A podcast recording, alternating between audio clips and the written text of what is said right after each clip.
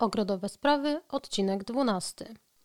Cześć, Milena Bruś, Ogrodowe Sprawy. Dziś tradycyjnie z moją mamą Natalią Dzień dobry. będziemy rozmawiały o różnych ogrodniczych mitach. O mitach, które krążą i niepotrzebnie niepokoją niedoświadczonych ogrodników.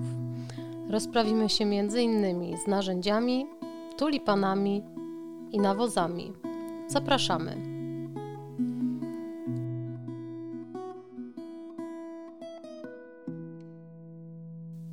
Na początku porozmawiamy o tujach, bo chyba są w każdym ogrodzie. Na wielu działkach to właśnie od nich zaczyna się tworzenie ogrodu. Pierwszy mit brzmi: tuje sadzimy w kwaśną ziemię. A ja mogę powiedzieć, że niekoniecznie. Ja też mogę powiedzieć, że niekoniecznie, bo e, torf kwaśny ma odczyn 3,5 do 4,5 i jest po prostu zbyt kwaśny dla tuj. Żywotniki e, potrzebują ziemi o odczynie 4,5 do 5,5 pH, bo wtedy najlepiej pobierają składniki pokarmowe.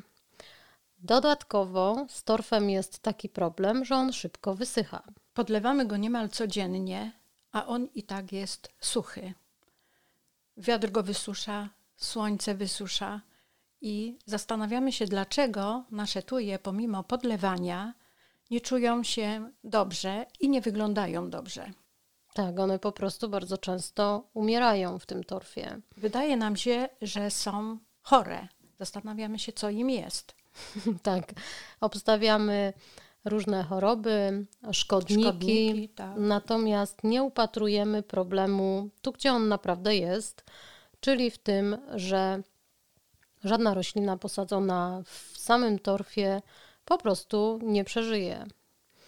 E, Chcąc, aby nasze tuje były zadowolone, rosły u nas pięknie, tworzyły zielone żywopłoty w naszych ogrodach, e, w momencie sadzenia powinniśmy zadbać, aby wymieszać ziemię rodzimą, na przykład z ziemią kompostową i już nic nie kombinować. Jeżeli mamy e, ziemię gliniastą, musimy ją oczywiście rozluźnić piaskiem. Jeżeli mamy ziemię piaszczystą, no to musimy dodać e, próchnicy ziemi kompostowej albo chociażby ziemi liściowej i w taką mieszankę posadzić nasze tuje.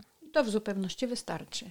Tak, to w zupełności wystarczy i nasze e, rośliny nie będą straszyły takim bardzo częstym e, widokiem suchych po prostu roślin, które przez e, suchy torf niestety nie Powoli przeżywają. zamierają. Tak.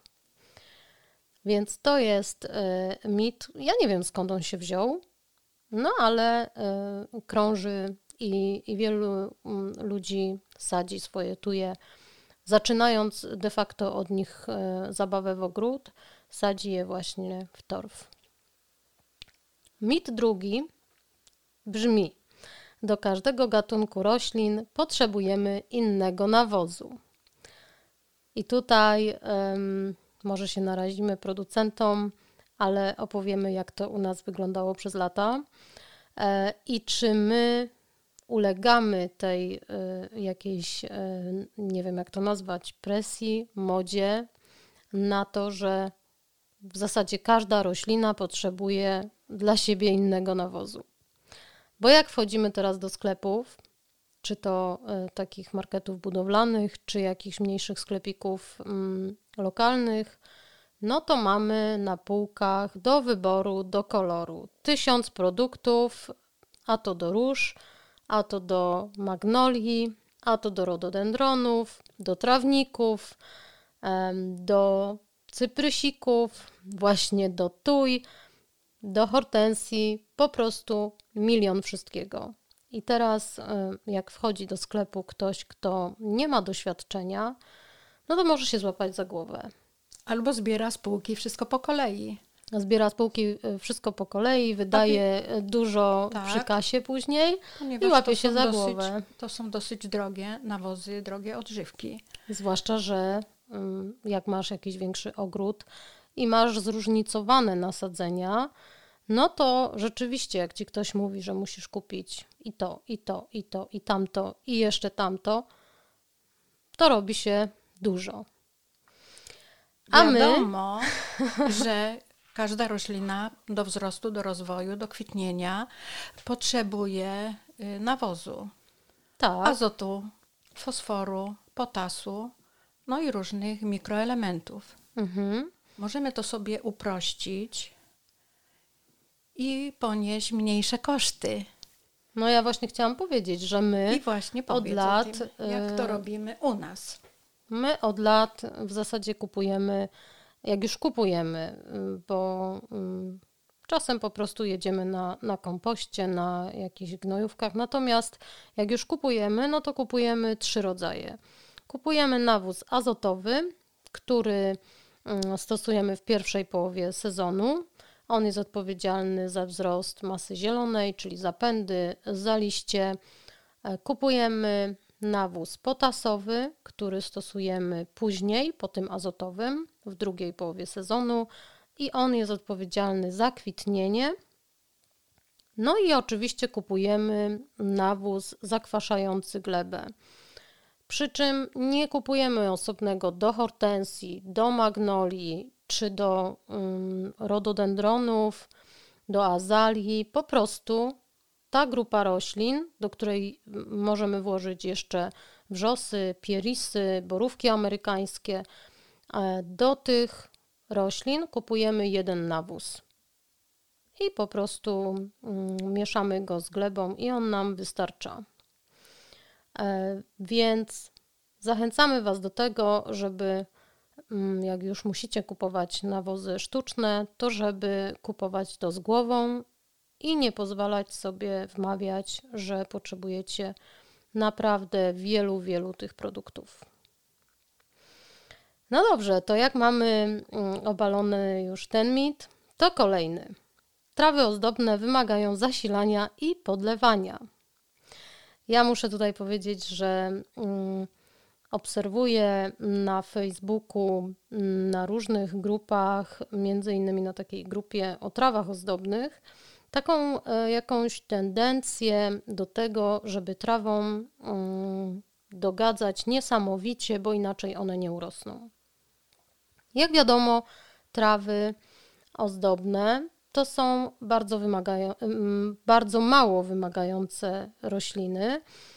I jeżeli oczywiście mówimy tutaj o trawach e, rodzimych gatunków, urosną w zasadzie wszędzie, bo mm, trawa to trawa. Wcale nie musimy im dogadzać tak. i bać się, że uschną, bo to nieprawda. Nawet y, długa susza nie pozwoli trawom umrzeć. No dlatego są takie popularne teraz te ogrody czy rabaty preriowe. No bo klimat nam się zmienia i trawy sadzimy, dlatego właśnie, że one świetnie sobie radzą w każdych warunkach. Nie są to rośliny, które wymagają od nas nawożenia, nie są to rośliny, które wymagają podlewania jakiegoś niesamowitego.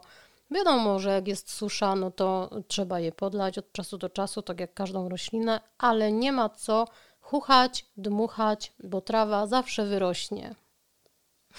czy w pojemniku, czy w gruncie. Oczywiście w pojemniku e, ma mniej tej ziemi, więc może szybciej jakoś tam wysychać czy przemarzać. Natomiast no, takie jak mamy posadzone na rabatach, to one sobie świetnie poradzą. E, jest jeszcze kolejny taki e, mit dotyczący traw ozdobnych, mm, który mówi o tym, że musimy podzielić trawy ozdobne, zanim one zaczną wegetację, czyli zanim ruszą z nowym wzrostem. I tu należy się trochę wstrzymać, ponieważ po, trawy puszczają po zimie dosyć późno. Tak, zwłaszcza rozplenica japońska. Tak, i jeżeli podzielimy taką trawę, która nie ma oznak y, zieleni, więc nie mamy pewności, czy ona żyje, czy przemarzła nam być może zimą. Więc poczekajmy, kiedy trawa zacznie e, zielenić się, wtedy przystąpimy do podzielenia. Podzielimy ją na pewno dobrze, Tak, będzie widać, gdzie ona żyje, gdzie obumarła, no bo trawy mają taką tendencję, że obumierają od środka. No i dopóki nie widzimy, gdzie ona puszcza, gdzie żyje, a gdzie nie, możemy sobie podzielić taką trawę i później się okaże, że no, duża część e, z tej um, kępy niestety Jest obumarła. Mhm.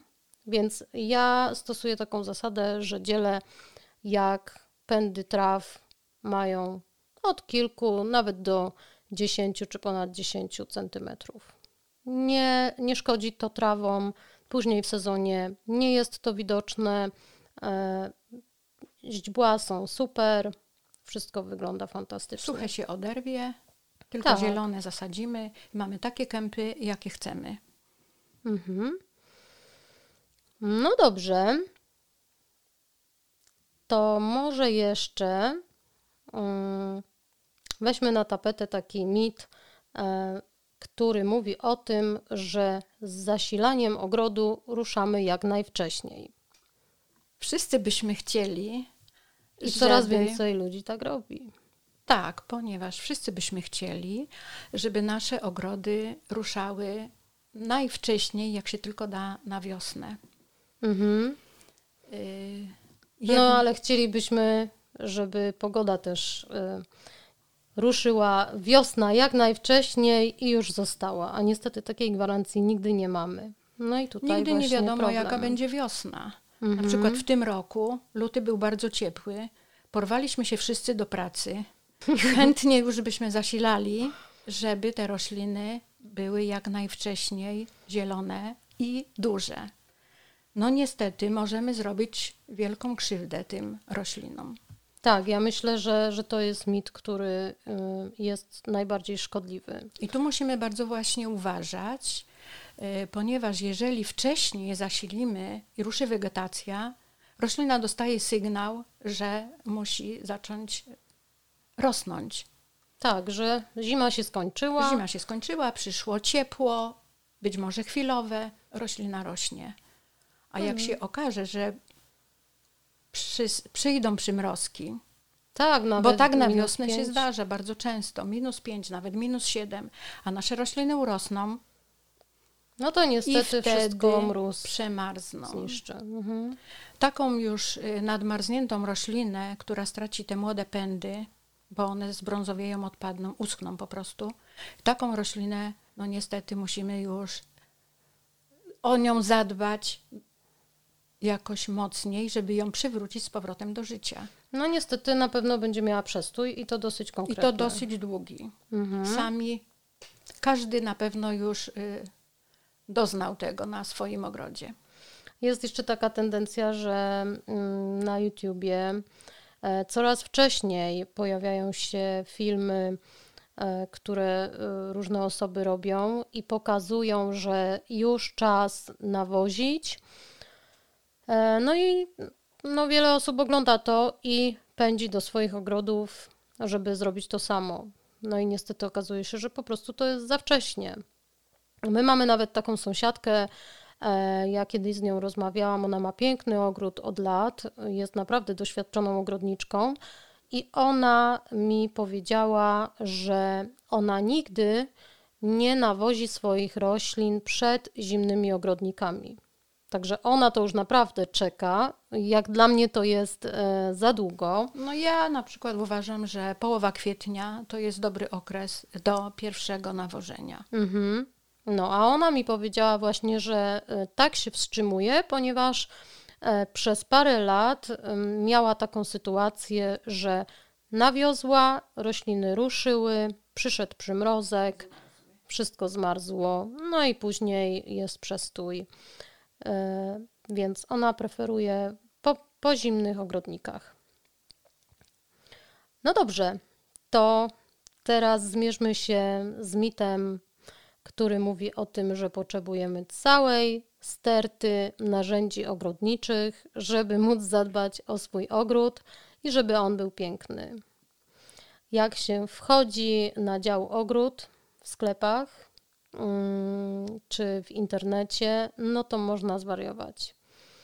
E, mamy mnóstwo rzeczy. Oczywiście no, świat idzie do przodu i dlaczego sobie nie ułatwiać pracy i życia, ale ja się tak zastanawiam, że chyba y, gdyby się chciało to wszystko kupić, to trzeba by mieć dodatkowy garaż, bo domek ogrodnika by nie wystarczył na te wszystkie siewniki, y, miliony grabek, łopatek, e, dużej ilości sekatorów, mm, jakichś e, motyk, krótkich, długich, mm, noży do darni, szczotek. No, naprawdę można zwariować z tym wszystkim. Ja uważam i zresztą tak mamy, mamy takie doświadczenia u nas, że i tak sobie myślę teraz, że w letnisku też tak się to sprawdziło, że w zasadzie jak zaczęliśmy tam zakładać ogród, no to mieliśmy taczkę, jedne grabki wachlarzowe, jedne grabki te mm, proste z dawnych lat. Motyczkę. Widły i szpadel. I szpadel później dokupiliśmy, tak. I w zasadzie, słuchajcie, mm, tym obrabiamy ogród, który ma 24 ary. Idzie nam bardzo dobrze. E, I nie mamy tam siewnika, nie mamy właśnie noża do darni, chociaż z tym nożem do darni to ja może się przeproszę i po 20 latach e, sobie kupię. Ale przez te wszystkie lata radziłam sobie z krawędziami mm, przy pomocy po prostu szpadla. I tak też się da. I tak sobie myślę, że gdybyśmy wszyscy ogrodnicy, tak y, w jakimś sąsiedztwie bliskim, przypuśćmy, że jest parę domów i gdyby każdy e, uruchomił u siebie jeszcze te głośne elektronarzędzia ogrodnicze, no to chyba byśmy zwariowali, bo jeden sąsiad włączyłby akumulatorowe nożyce, drugi kosiarkę, trzeci dmuchawę zamiast grabek, e, czwarty jakiś odkurzacz do liści i chyba y, zamiast korzystać ze swoich ogrodów, wypoczywać i cieszyć się ciszą, spokojem, kontaktem z naturą, chyba chcielibyśmy po prostu jak najszybciej uciec z takich ogrodów. Więc my rekomendujemy wstrzemięźliwość w kupowaniu. Trzeba się po prostu zastanowić, czy to wszystko jest nam potrzebne i czy tak naprawdę e, te narzędzia zrobią nam ogród. Bo chyba oprócz narzędzi potrzebujemy jeszcze własnych rąk i siły, e, i tego nam niestety nic nie zastąpi. Ja osobiście e, potrzebuję dwie pary grabek. No. Jedne wachlarzykowe, plastikowe, którymi posługuje się szczególnie jesienią, e, do liści, ponieważ one są szerokie i lekkie, super grabią. Na wiosnę używam wachlarzykowych metalowych do wygrabiania darni. I uważam również, że robotę zrobię tymi grabkami bardzo dobrze. Mhm. Oprócz grabek, no oczywiście potrzebny jest szpadel, potrzebna y, mniejsza łopatka, którą my mamy, saperkę do usuwania czy do przekopywania mniejszych y, roślin. roślin. Mhm. No i oczywiście potrzebujemy jeszcze te sekatory. No tak, ale też sekatorów nie potrzebujemy nie wiadomo ile. Sekator krótki, jednoręczny, sekator długi. Ostry, dobry, wystarczy w zupełności jeden. Mhm sekator długi do żywopłotów i sekator taki mm, też długi do gałęzi. I przy pomocy takiego zestawu sekatorów dajemy radę i w jednym, i w drugim ogrodzie. Całkiem sporych ogrodach. Wystarczy, ja uważam. Tak, ja też tak uważam. Bo jeżeli ich mamy dużo, tych narzędzi, to musimy często chodzić, często zmieniać, poszukiwać, gdzie zostały położone, y, w którym miejscu. Ja uważam, że to jest niepotrzebne. No, jeszcze się tym zajmować po sezonie, przed sezonem, ostrzyć, konserwować. Tak, oczywiście. No dobrze, zmierzmy się teraz y, z mitem który mówi o tym, że magnolia nie lubi cięcia. Ja muszę przyznać, że wierzyłam w ten mit bardzo długo, ale to się brało z tego, że ja miałam straszne przejścia e, z magnoliami w naszym ogrodzie na początku. Po prostu miałam magnolię, która przez około 10 lat, może nawet więcej, nie kwitła. Więc ja naprawdę chuchałam, dmuchałam na nią. Przenoszona była w różne miejsca. I tu tak. nie, i tam źle, i tam niedobrze. Tak, więc absolutnie nie przyszłoby mi jeszcze do głowy, żeby ją ciąć. E, I tak sobie żyłam w takim przekonaniu bardzo długo, aż któregoś dnia moja siostra, maniaczka magnolii, która nie wiem, ona ma już e, w dziesiątki idą te magnolie u niej w ogrodzie, e, powiedziała, że ona po prostu kształtuje swoje magnolie tak, jak jej pasuje.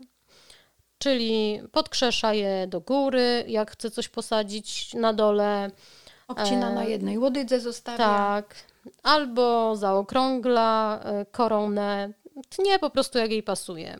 I muszę przyznać, że bardzo się zdziwiłam, bo okazało się, że po prostu jej magnolie fajnie kwitną, nie chorują, nie widać, żeby jakaś krzywda im się działa po tym cięciu. A mm, później mm, moje takie drugie doświadczenie to było w letnisku, kiedy zaczęłyśmy tam jeździć i podziwiałyśmy magnolie u jednego z sąsiadów. Naprawdę już takie dorosłe drzewo magnoliowe, piękne.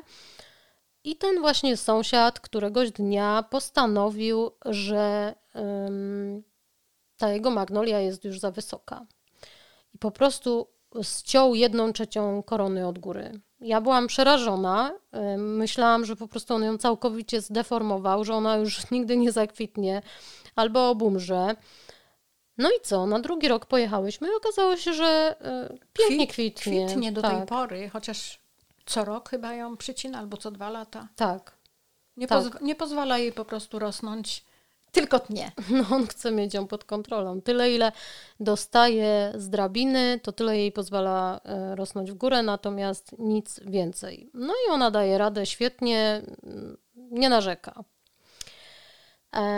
No dobrze, no to zmierzmy się teraz z takim mitem. Myślę, że to jest bardzo popularny mit. Mało osób wie o tym, że, no, że to jest mit wszyscy biorą to za prawdę. E, mam tutaj na myśli mm, takie twierdzenie, że włóknina jest dobra dla roślin. E, bardzo wiele ogrodów ma dużą powierzchnię pokrytą włókniną, taką agrowłókniną, na rabatach. Ludzie kładą ten materiał, no bo oczywiście nie chcą mieć chwastów. Myślą, że dla ich roślin to jest coś najlepszego na świecie, bo e, chwasty nie będą zabierały składników odżywczych, nie będą zabierały wody, e, oni nie będą musieli odchwaszczać, wszystko fajnie wyściółkują i będzie ekstra. Natomiast okazuje się, że po latach ta włóknina niestety nie spełnia swojej funkcji.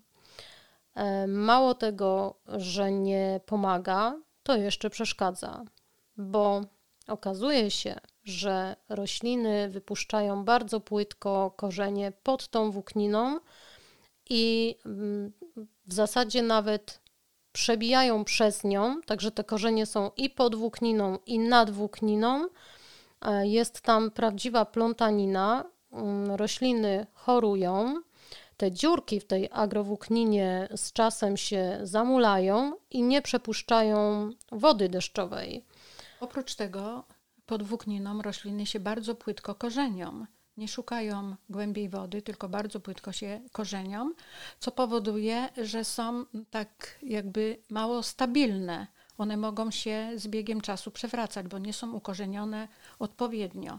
Tak, rośliny muszą um, poszukiwać wody głęboko i głęboko wypuszczać korzenie.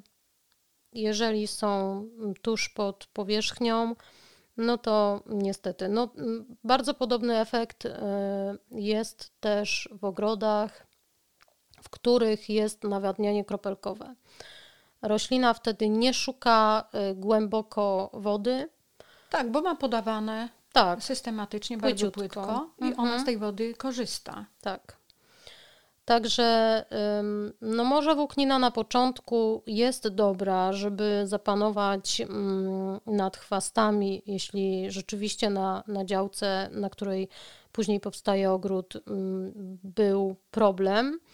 Natomiast na dłuższą metę mm, Ja uważam, że kiedy rośliny już podrosną i dadzą sobie radę e, z chwastami, to włóknina powinna być zdjęta. Mhm, ja też tak uważam. E, My w naszym ogrodzie nigdy nie miałyśmy włókniny. Mm, Nie wiem, jakoś mi w ogóle nawet nie przyszło do głowy, żeby mm, coś takiego kłaść. Dla mnie to jest nienaturalne i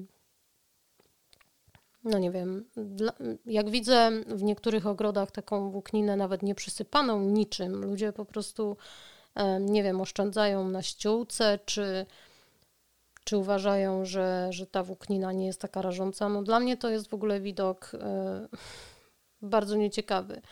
E, te rośliny biedne wsadzone e, w tą włókninę, no i ona taka jeszcze nie daj Boże zielona, no po prostu straszna straszność. Dobrze. To wróćmy jeszcze do tych nieszczęsnych tuj. E, chyba największy mit dotyczący żywotników to mm, mit, który mówi o tym, że tuje są szkodliwe. Ostatnio jest e, straszny boom e, takiego twierdzenia właśnie, że tuje są szkodliwe dla ludzi, dla zwierząt, że Wręcz, że są trujące. tak, że są trujące. E, No tuje mają w sobie tujon, mm, taki związek terpenowy e, występujący w olejku eterycznym. Natomiast e, no, nie jest go tyle, żeby zagrażał zdrowiu, życiu. E, Oprócz tego nikt tu i nie je. No, nikt tu i nie je, em, nikt z tują nie śpi, więc em, no nie wiem, nie wiem skąd to się wzięło, bo ludzie się strasznie boją, em, natomiast nie zdają sobie sprawy z tego, że w ogrodach mamy bardzo dużo roślin, które są trujące. I kwiaty też są trujące. Nawet domowe są trujące. E, tak, e, A natomiast... jednak mamy je dzieci się wychowują małe i starsze. Ja myślę, że y, nie można zwariować. E, Mamy na przykład w ogrodach coraz częściej sadzone cisy, które bardzo lubimy, bo mm, zastępujemy nimi właśnie e, w dużej mierze tuje, których boimy się, że są trujące. A cisy, zwłaszcza te owoce mm, czerwone, przecież są też bardzo trujące. Znaczy nie też, bo tuje nie są aż w takim stopniu trujące. Również em, owoce kaliny koralowej, te czerwone. Czy na przykład konwalie, które wszyscy lubimy. Mamy w ogrodzie konwalie, mamy cisy, mamy tuje, wychowały się dzieci, wychowały się wnuki. Nikt nie zachorował. I Mamy w ogrodzie bluszcz zimozielony, który też jest trujący, ale przecież nikt tego nie je. Po prostu tr- trzeba trochę zdrowego rozsądku e, i ty, tyle. My mamy w ogrodzie około 130 tuj szmaragd od lat i nigdy nikt z nas nie miał problemów zdrowotnych. Mało tego, cenimy sobie nasze tuje bardzo, ponieważ e, w- tworzą cudowny, e, zielony parawan odgradzający nas od sąsiadów, mm, powstrzymujący wiatr. Mm, Te tuje tworzą wspaniałe tło dla wszystkich innych roślin i co roku patrzymy na nie i mówimy, że mają świetny kolor, świetny pokrój i że posadzenie tych roślin to w ogóle było coś najlepszego, e, co mogło się zdarzyć w tym ogrodzie. E, Więc e, no my polecamy tuje i każemy trochę się zastanawiać e, nad tym, co słyszymy i co jest rozpowszechniane tu i tam. No dobrze, i teraz mm, mit o którym bardzo mało ludzi wie.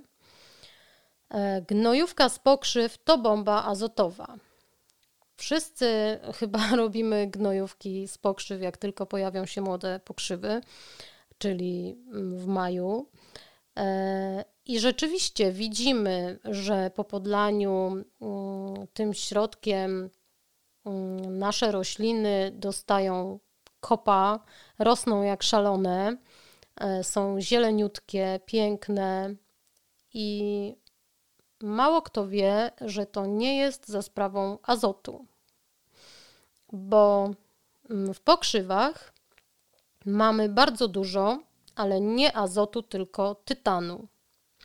Pokrzywa jest rośliną, która ma w sobie rekordowe ilości e, tego tytanu, a drugą rośliną podobną pod tym względem jest skrzyp polny.